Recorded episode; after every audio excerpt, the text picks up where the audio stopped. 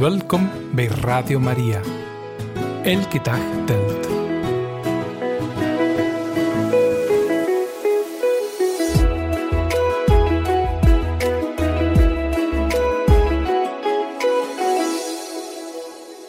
Welkom, beste luisteraars van Radio Maria bij Elke Dag Telt. Laten we vandaag deze uitzending starten met een oproep van onze programmadirecteur Priester Carlo. Beste luisteraars, tijdens deze vastenactie komen we tot u om uw steun te vragen voor de werking van Radio Maria. Een werking ten gunste van de vele luisteraars van Radio Maria. Een werking ten gunste van de armen, de kleinen, de zieken, de gevangenen, de stervenden. Steun daarom Radio Maria tijdens deze 40 dagen. Dit kan op het rekeningnummer BE 49 7333 7333 7771. Van harte dank. En dan starten we onze uitzending graag met muziek. We gaan luisteren naar de hymne van de Wereldjongerendagen van Toronto 2002, Lumière du Monde, Licht van de Wereld.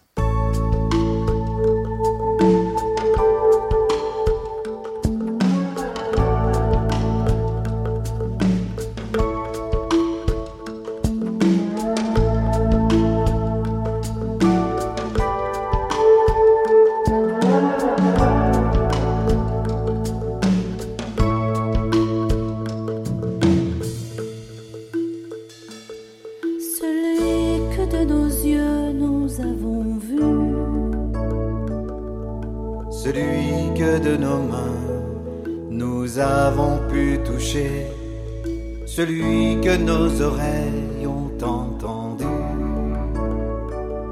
celui que dans nos cœurs nous avons rencontré. Voilà celui que nous vous annonçons et qui a resplendi sur la terre où nous vivons. So many in our world drift others only know a darkness without end. Let brothers rise to call them from the deep. Let sisters take their hands to heal and be their friends. Together, let us stand against the storm. And in the heart of night, be the watchers of the morn.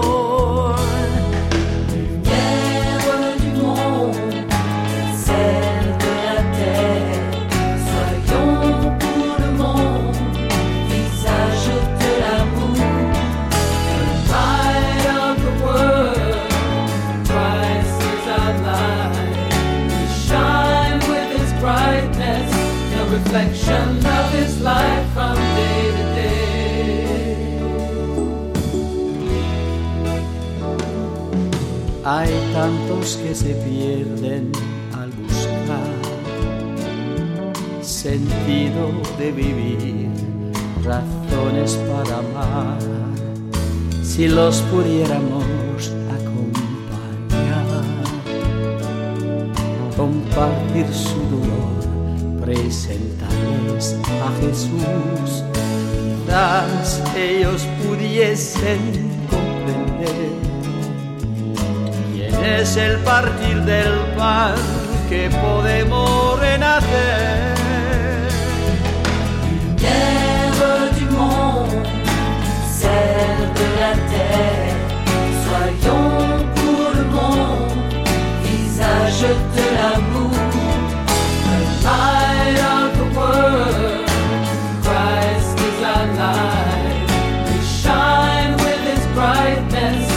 Reflection of his life from day to day.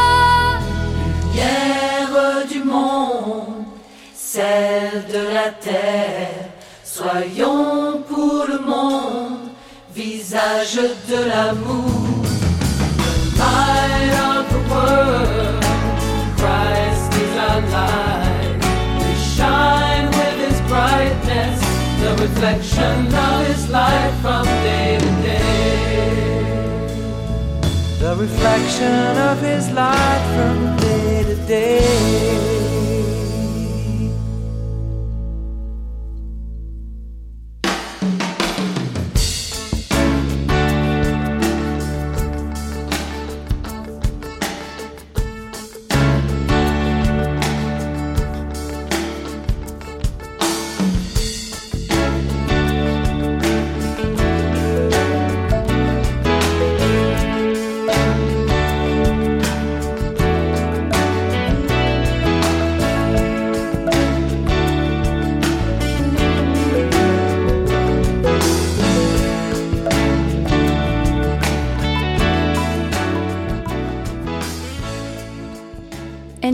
Het lied Lumière du Monde, de hymne, de officiële hymne van de Wereldjongerendagen in 2002 in Toronto.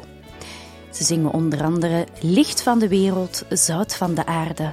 Laat ons voor de wereld de gezichten van liefde zijn. Licht van de wereld, Christus is licht.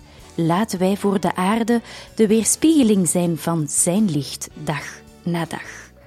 Een mooie hymne. Beste luisteraars, op zondag 25 februari was er na het Angelus, zoals gewoonlijk, een woordje van Paus Franciscus. U had het misschien gehoord in de media, hij was wat grieperig, had vrijdag en zaterdag, denk ik, de verschillende audiënties geschrapt, maar zondag was hij wel aanwezig voor het gebed van het Angelus, een uitleg bij het evangelie van de dag en dan daarna ook nog een woordje tot de mensen die aanwezig zijn daar altijd op het Sint-Pietersplein en voor gans de wereld. Hij zei het volgende. Beste broeders en zusters, met verdriet hebben we gisteren, 24 februari, de tweede verjaardag herdacht van het begin van de grootschalige oorlog in Oekraïne. Hoeveel slachtoffers zijn gewonden, hoeveel verwoesting, angst en tranen in een periode die verschrikkelijk lang aan het worden is en waarvan het einde nog niet in zicht is. Het is een oorlog die niet alleen die regio van Europa verwoest, maar die een wereldwijde golf van angst en haat ontketent. Terwijl ik mijn innige genegenheid voor het gekwelde Oekraïense volk hernieuw, blijf ik bidden voor iedereen, vooral voor de ontelbare onschuldige slachtoffers. Ik pleit er oprecht voor dat het een beetje menselijkheid wordt gezocht, dat nodig is om de voorwaarden te scheppen voor een diplomatieke oplossing in het streven naar een rechtvaardige en duurzame vrede. En broeders en zusters, laten we niet vergeten te bidden voor Palestina, voor Israël en voor de vele volkeren die door de oorlog zijn verscheurd, en concreet hulp te bieden aan hen die lijden. Laten we denken aan de enorme hoeveelheid lijden. Laten we denken aan de gewonden, onschuldige kinderen.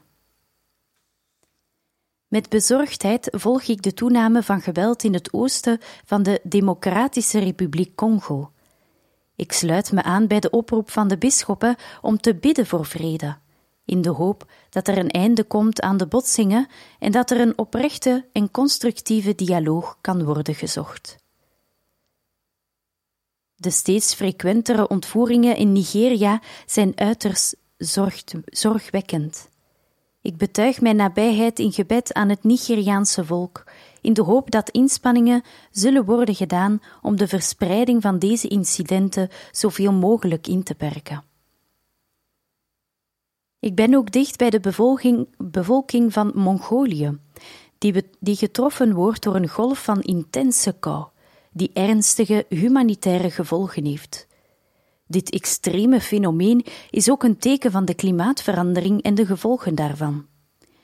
De klimaatcrisis is een wereldwijd maatschappelijk probleem dat diep ingrijpt in het leven van vele broeders en zusters, vooral in het leven van de meest kwetsbaren. Laten we bidden om wijze en moedige keuzes te kunnen maken om bij te dragen aan de zorg voor de schepping. En dat was de korte boodschap van Paus Franciscus aan het einde van het Angelusgebed op zondag 25 februari. En indien u meer wilt te weten komen over wat Paus Franciscus nog allemaal heeft gezegd, wel, luister dan zeker naar Radio Vaticaan, want dat programma houdt u op de hoogte van het reilen en zeilen in het Vaticaan en van de gebeurtenissen in het leven van de paus. En laten we dan ook heel speciaal vandaag bidden voor vrede in de wereld. Jezus, wij richten heel ons hart op u. Naar wie anders kunnen wij gaan?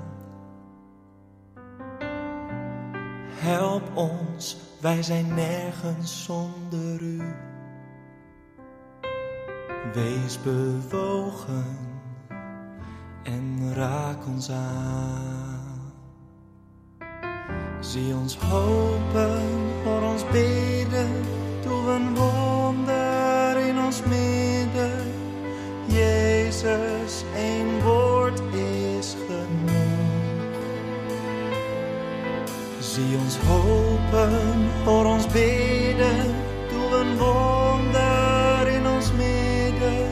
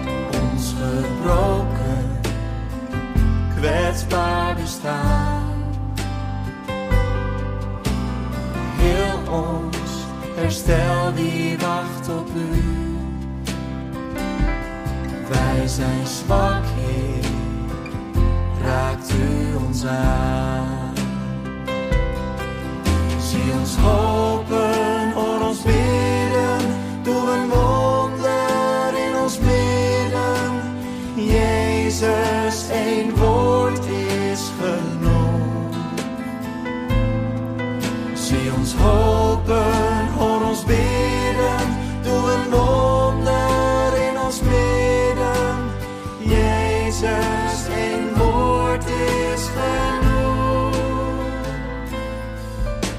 Spreek Heer, uw woord is genoeg. Sterk ons aarzelend geloof, onze haperende hoop. Wij zien biddend naar u uit, strek uw hand genezend uit. Sterk ons aarzelend geloof, onze haperende hoop. Wij zien biddend naar u uit. Strek uw hand genezend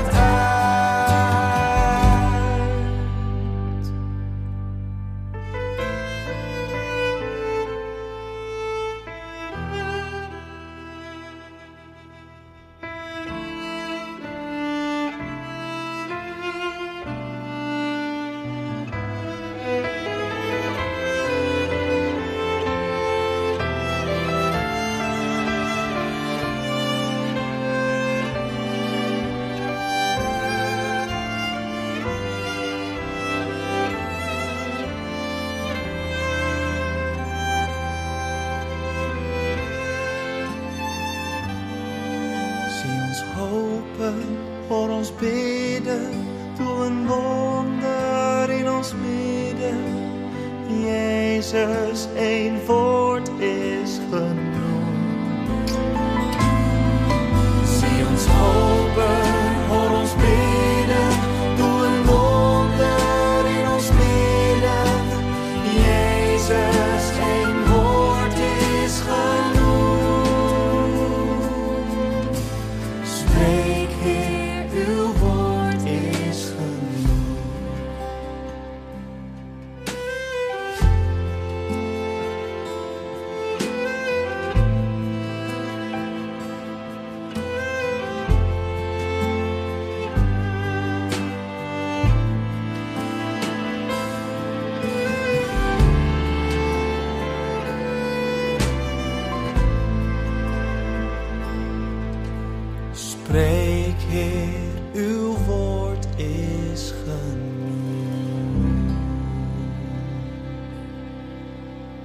Eén woord is genoeg, een mooi lied van Sela. Beste luisteraars, we gaan vandaag ook stilstaan bij het feit dat het reeds twee jaar is dat er oorlog is in Oekraïne. En dit met een interview. Een uitgebreid interview met de Vaticaanse media. En dit met de apostolische nuntius in Oekraïne, aartsbisschop Visvaldas Kulbokas. En we gaan het interview samen overlopen.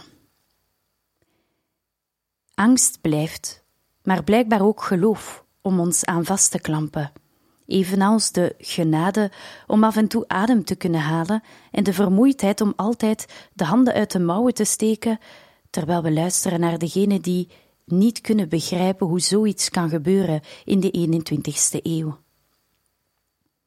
Dit zijn de gevoelens die de apostolische nuntius in Oekraïne, aartsbisschop Visvalza Kulbokas, uitsprak in een uitgebreid interview op de tweejarige verjaardag van de grootschalige invasie van Oekraïne door Rusland. In het interview bespreekt de nuntius de diepe contrasten van twee jaar oorlog en de gevoelens, behoeften en pijn van het land, dat ondanks, ondanks rouw en verwoesting heeft overleefd in een tunnel waar het licht van de vrede op dit moment onzichtbaar is. En de Vaticaanse media, Vatican News, vraagt het volgende aan de aartsbisschop. Wat is, twee jaar na het begin van de grootschalige Russische agressie, de werkelijke situatie in Oekraïne? En de apostolische nuntius antwoordt: Het is duidelijk dat de situatie er een van groot lijden is. Er zijn enkele duizenden gevangenen die leven of liever overleven, vaak onder onmenselijke omstandigheden, tenminste te oordelen naar de verhalen van degenen die naar huis zijn teruggekeerd. Elke ochtend begin ik mijn gebed in verbondenheid met hen en met de kinderen die gescheiden zijn van hun ouders of wettelijke voogden, omdat ik weet dat ze een hel leven. En op zeer zeldzame uitzonderingen na is er geen manier om hen te helpen. Er zijn mensen die in regio's dicht bij de frontlinie wonen, meestal oudere of arme mensen, die het niet aandurven of de fysieke kracht niet hebben om elders geluk te zoeken. Bovendien zijn ze volledig afhankelijk van humanitaire hulp, waaronder voor water en brood. En er is een heel netwerk van priesters liefdadigheidswerkers en vrijwilligers die zich inzetten om een logistiek netwerk op te zetten voor transport, soms over duizenden kilometers. Er zijn miljoenen jongens en meisjes uit alle oostelijke regio's: Kharkiv, Dnipro, Poltava, Zaporizhia, Kherson, die sinds het begin van de COVID-pandemie niet naar school hebben kunnen gaan. Dat wil eigenlijk zeggen dat ze reeds vier jaar hooguit enkel online kunnen studeren. In sommige steden worden ondergrondse scholen gebouwd, beschut tegen frequente bombardementen.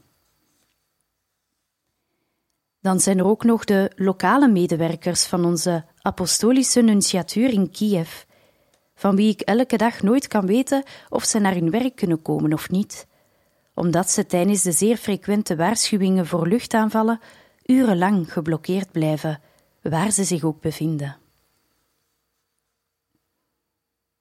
Ik merk zelf dat ik moeite heb om lang te praten met mensen die niet dezelfde ervaring hebben. De indruk is dat we in verschillende werelden leven, waar prioriteiten totaal verschillend zijn, om nog maar te zwijgen van de doden en de oorlogsgewonden, de miljoenen ontheemden en vluchtelingen.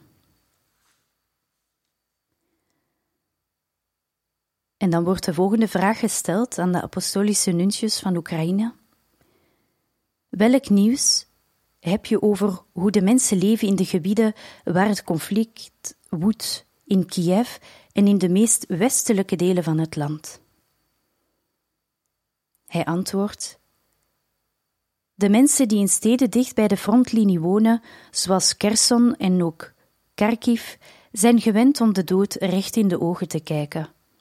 In die zin verkeert Kiev in een gunstige situatie omdat raket- en droneaanvallen niet elke dag plaatsvinden en het het voorrecht heeft van een robuuster luchtafweersysteem.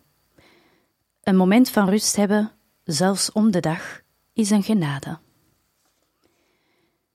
Maar dichter bij het front brengen mensen de minimale noodzakelijke tijd door op straat, om naar de kerk te gaan, voorraden te ontvangen en andere dringende, dringende behoeften.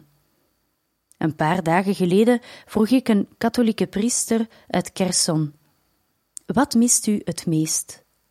Hij antwoordde: Ik mis het om tenminste een paar uur stilte te hebben, om rustig te wandelen en te slapen. En de journalist van Vatican News vraagt dan het volgende.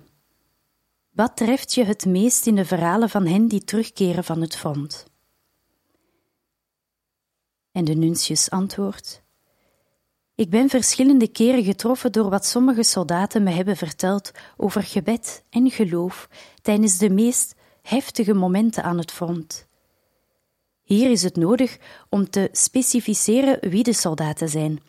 Nu, nu is iedereen een soldaat, van de universitair docent tot de specialist in nieuwe technologieën, van de theaterartiest tot de ondernemer.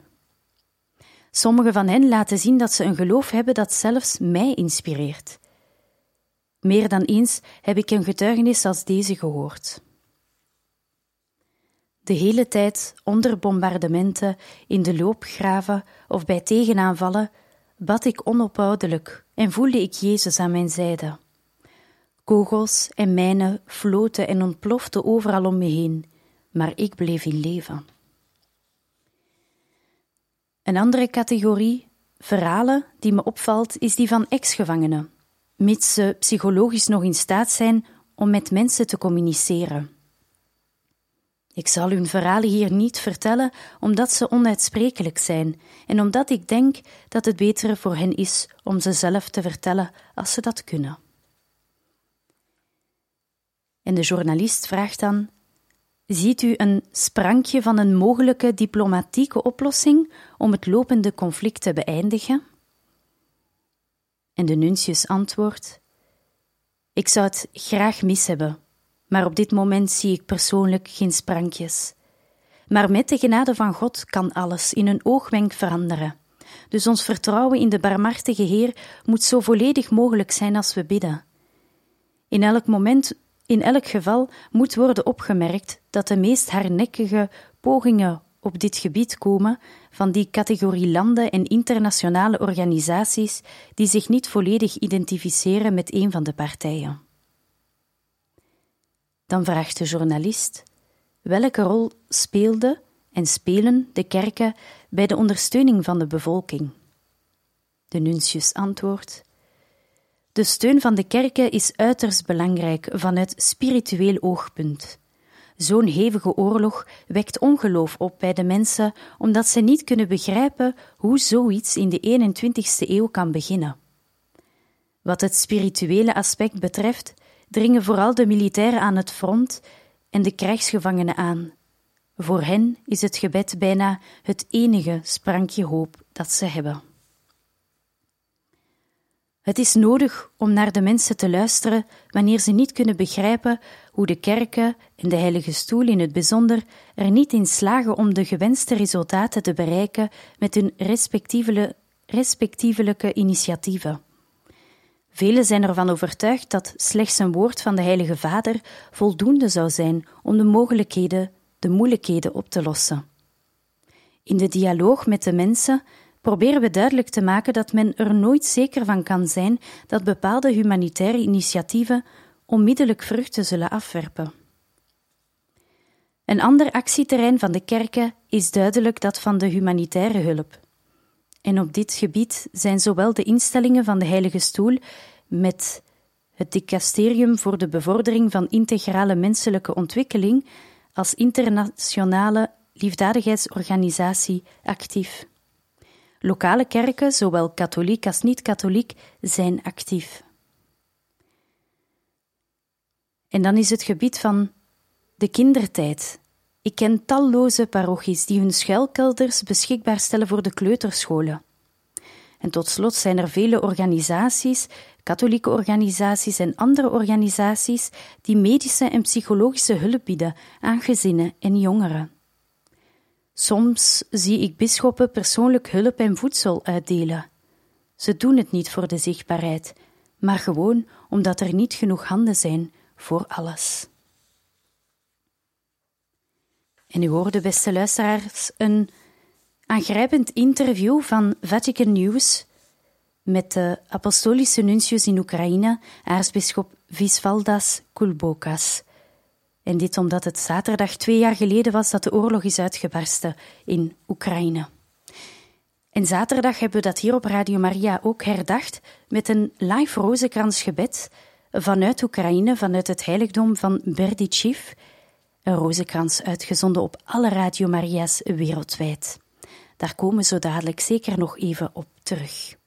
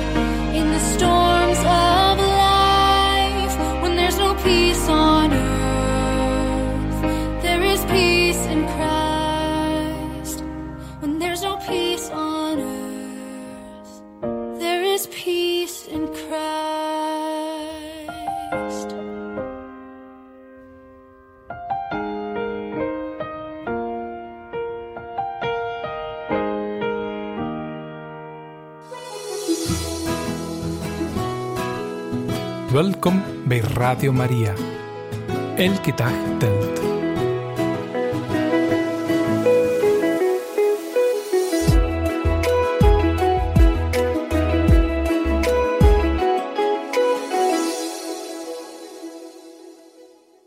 Zaterdag 24 februari, beste luisteraars, was het precies twee jaar geleden dat Oekraïne wakker werd door een explosie van raketten en bommen.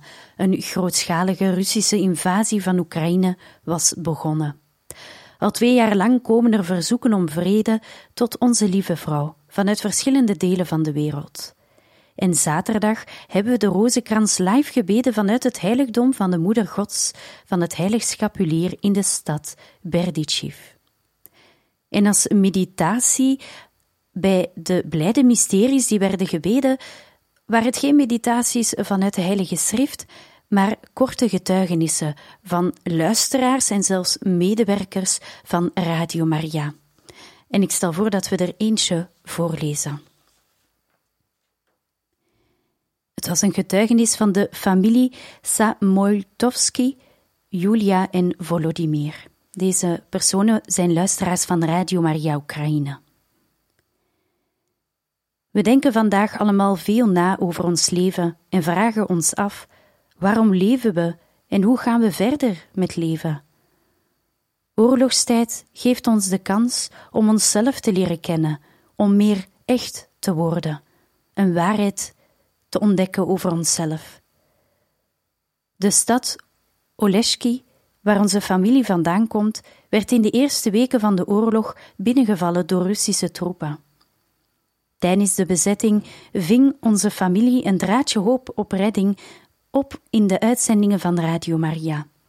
Door naar elk woord te luisteren, zijn we gaan begrijpen dat we niet alleen zijn, dat we niet in de steek zijn gelaten en vooral dat we hebben leren vertrouwen.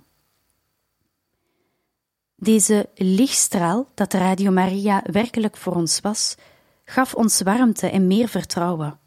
We hebben geleerd om onze problemen aan de Maagd Maria toe te vertrouwen, in plaats van op onze eigen kracht te vertrouwen, en om al onze moeilijkheden aan de Heere God toe te vertrouwen. Als we begonnen te twijfelen, stuurde de Heer altijd mensen die ons steunden en onze harten verwarmden met gebed. Uiteindelijk realiseerden we ons dat we niet langer in de buurt van Russische soldaten konden wonen. We verlieten ons ouderlijk huis. Onmiddellijk in de eerste dagen na onze ontsnapping gingen we naar Berdichev om de Moeder van God te danken voor onze redding. Daarna gingen we ook nog naar Kiev, waar we de studio's van Radio Maria Oekraïne bezochten. Op de dag van de aankondiging zegt de Maagd Maria: Hier ben ik, mij geschieden naar uw woord. Laat met mij gebeuren wat u zegt. Wees niet bang, zeggen Julia en Volodymyr, om onze lieve vrouw hetzelfde vertrouwen in God te vragen dat zij had. En dat was, beste luisteraars, een van de getuigenissen van luisteraars van Radio Maria Oekraïne tijdens het Rozenkransgebed van zaterdag 24 februari, dat live werd uitgezonden vanuit het heiligdom van Berdichev op alle Radio Maria's wereldwijd. En op donderdag, donderdag 29 februari om kwart na twee, gaan we daar zeker op terugkomen in het programma De Wereld van Radio Maria.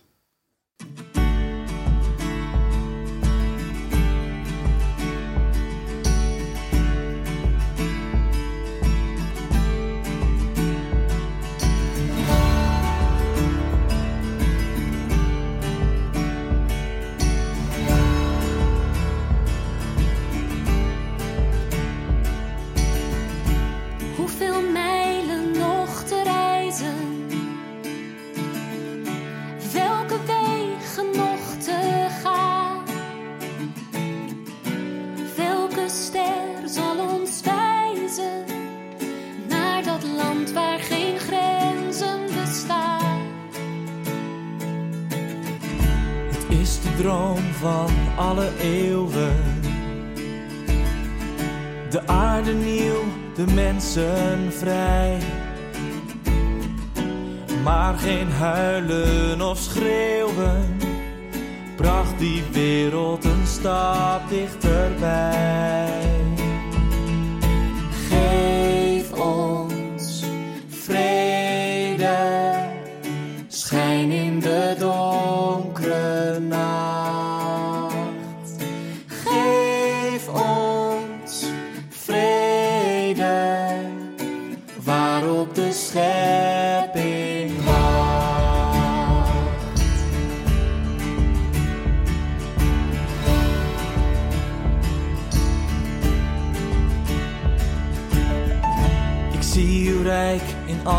al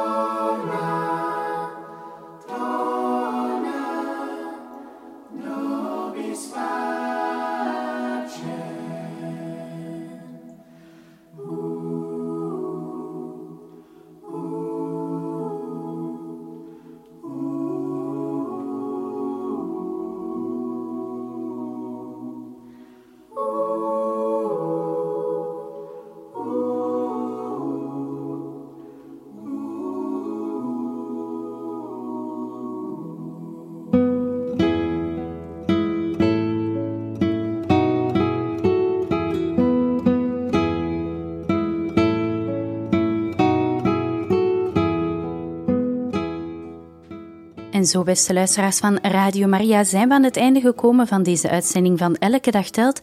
En natuurlijk trekken we nog een Bijbelvers voor de dag. Ik heb hier het mandje bij me. Kom, o Heilige Geest. Zijt ge kwaad omdat ik goed ben. Het komt uit het Evangelie van de heilige apostel Matthäus, hoofdstuk 20, vers 15. Zijt ge kwaad omdat ik goed ben. Beste luisteraars, nog een zeer fijne dag en tot morgen.